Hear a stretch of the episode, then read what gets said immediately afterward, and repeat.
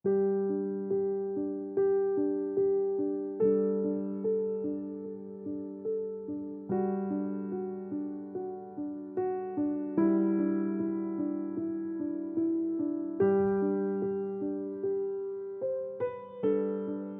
Saat Teduh Gereja Kristen Jakarta.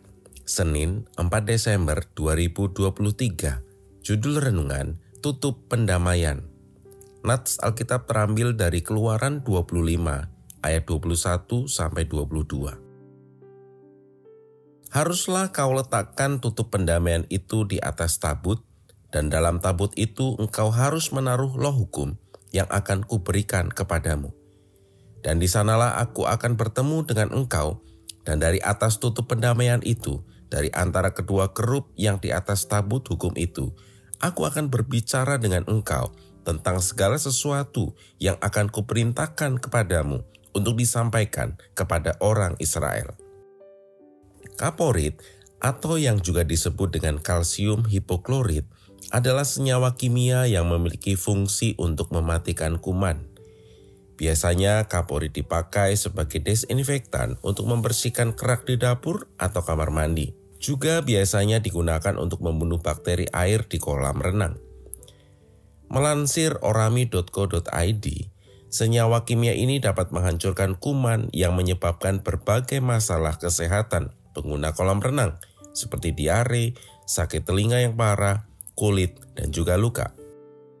Di dalam Alkitab, kita juga mengenal istilah kaporit yang diterjemahkan dengan tutup pendamaian. Kaporit adalah merupakan bagian yang tidak terpisahkan dari tabut perjanjian di bait suci Tuhan. Tutup pendamaian ini tidak hanya menutup tabut suci dan dihiasi dengan dua kerup dari emas, tetapi memiliki makna yang mendalam.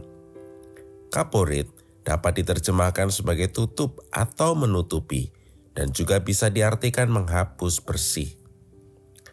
Allah berkata kepada Musa, "Dan di sanalah aku akan bertemu dengan engkau." Ayat 22. Di dalam ruang Maha Kudus tempat tutup pendamaian itu diletakkan, Allah berkenan menjumpai Musa. Tutup pendamaian ini merujuk kepada Sang Pendamai yang akan datang, yaitu Kristus sendiri. Ia telah datang ke dalam dunia untuk mendamaikan Allah dengan manusia, sehingga manusia dilayakkan untuk menjumpai Allah dalam kekudusannya. Di dalam Kristus, dosa manusia dibersihkan dan pelanggaran mereka ditutupi. Mazmur 32 ayat 1 Apa yang kita ingat ketika kita mempersiapkan diri merayakan Natal? Apakah kita lebih fokus kepada pesta, kemeriahan, penampilan, atraksi, kegiatan-kegiatan besar? Mari kita mengingat sekali lagi bahwa di dalam Natal, Allah mengutus anaknya untuk mendamaikan kita dengan dia.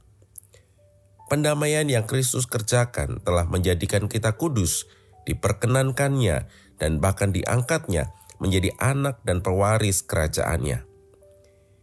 Jika ia tidak datang, maka binasalah kita. Hukuman kekal akan menjadi bagian kita. Tetapi kelahirannya memberikan harapan bagi kita manusia berdosa, sehingga kita dapat dipulihkan dengan Allah. Inilah sukacita kita menyambut Natal. Natal mengingatkan kita kepada Kristus, Sang Pendamai itu. Amin. Tuhan Yesus memberkati.